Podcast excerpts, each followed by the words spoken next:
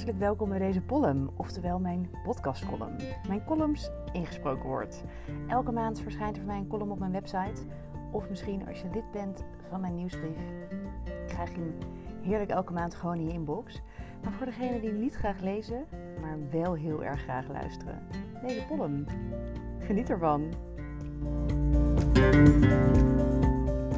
Een paar jaar geleden viel het ineens op.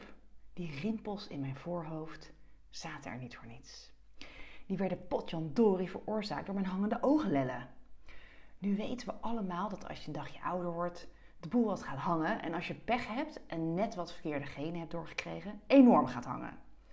Maar dat ik dus blijkbaar de hele dag met opgetrokken voorhoofd moet rondlopen om die ooglellen omhoog te hijsen, ja, dat vind ik nogal wat.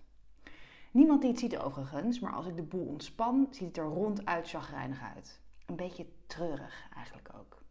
Maar goed, niks aan de hand. Ik ben eraan gewend. En alleen als ik echt heel moe ben, is het extreem lelleren geblazen. Het is overigens niet nodig het woord op te zoeken.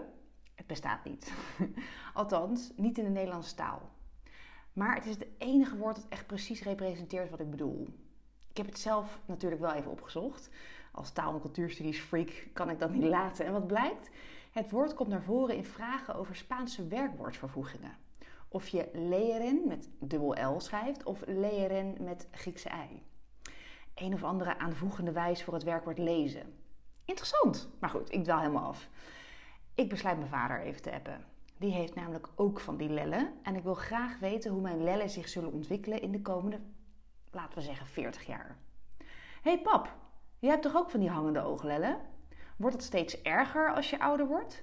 Of stabiliseert dat op een bepaalde leeftijd? Ik krijg berichten terug over Formule 1, iets over Hamilton en Verstappen en een liedje die daarover gemaakt is. Maar ik houd voet bij stuk en herhaal mijn vraag. Ah, ik krijg dit keer antwoord. Ik ben mij daarvan niet bewust. Ik heb hele mooie oorlellen. Giller, ooglellen, pap. Ooglellen. Ik neem een filmpje op om nog even te verduidelijken wat ik precies bedoel. Die heb je natuurlijk niet van mij, appt hij terug. Hij moet er zelf ook om lachen, dat weet ik zeker. De conclusie is dat ik het van hem heb en ook van mijn moeder. Maar goed, tot op heden heb ik geen antwoord ontvangen op mijn daadwerkelijke vraag. Hoe zoiets zich ontwikkelt door de jaren heen.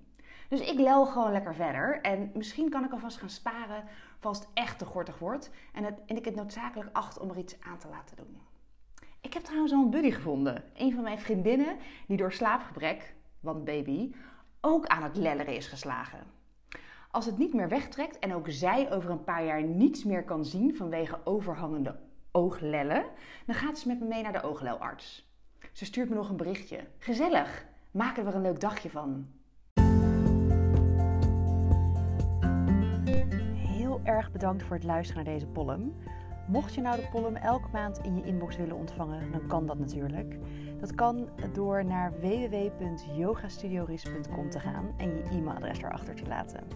Je kunt me ook volgen op Instagram en Facebook. Dat kan via Yoga Studio en via Studio de Tiny Shop. Ik wens je nog een hele fijne dag.